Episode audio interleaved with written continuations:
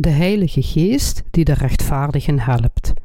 Romeinen hoofdstuk 8, vers 26 tot en met 28.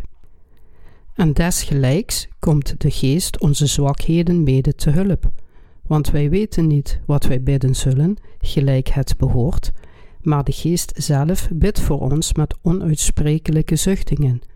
En die de harten doorzoekt, weet welke de mening des Geestes zijn terwijl hij naar God voor de heiligen bidt. En wij weten dat dengenen die God liefhebben, alle dingen medewerken ten goede, namelijk dengenen die naar zijn voornemen geroepen zijn. De Heilige Geest woont in de harten van de mensen die in de gerechtigheid van God geloven.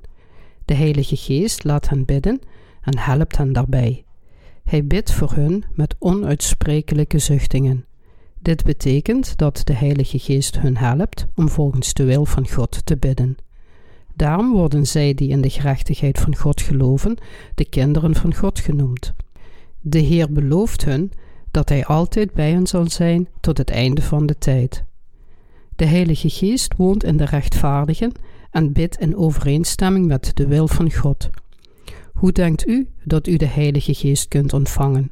Door te bidden Denkt u dat u de Geest kunt ontvangen, ondanks al uw zonden? De Heilige Geest werkt en woont alleen in de harten van de mensen die in Gods gerechtigheid geloven. Christenen die volgens de wil van God willen bidden, ontvangen de hulp van de Heilige Geest. Zij leren en begrijpen waarvoor zij moeten bidden. Als u de Heilige Geest ontvangen heeft door in de gerechtigheid van God te geloven, zal de Heilige Geest voor u bidden en u leiden op uw weg. Alle dingen werken samen voor het goede.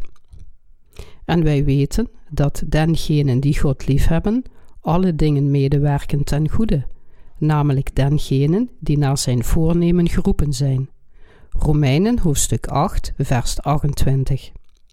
God staat aan de kant van de gelovigen en zorgt ervoor dat alle dingen ten goede samenwerken voor diegenen die van God houden. God houdt van de wedergeboren gelovigen.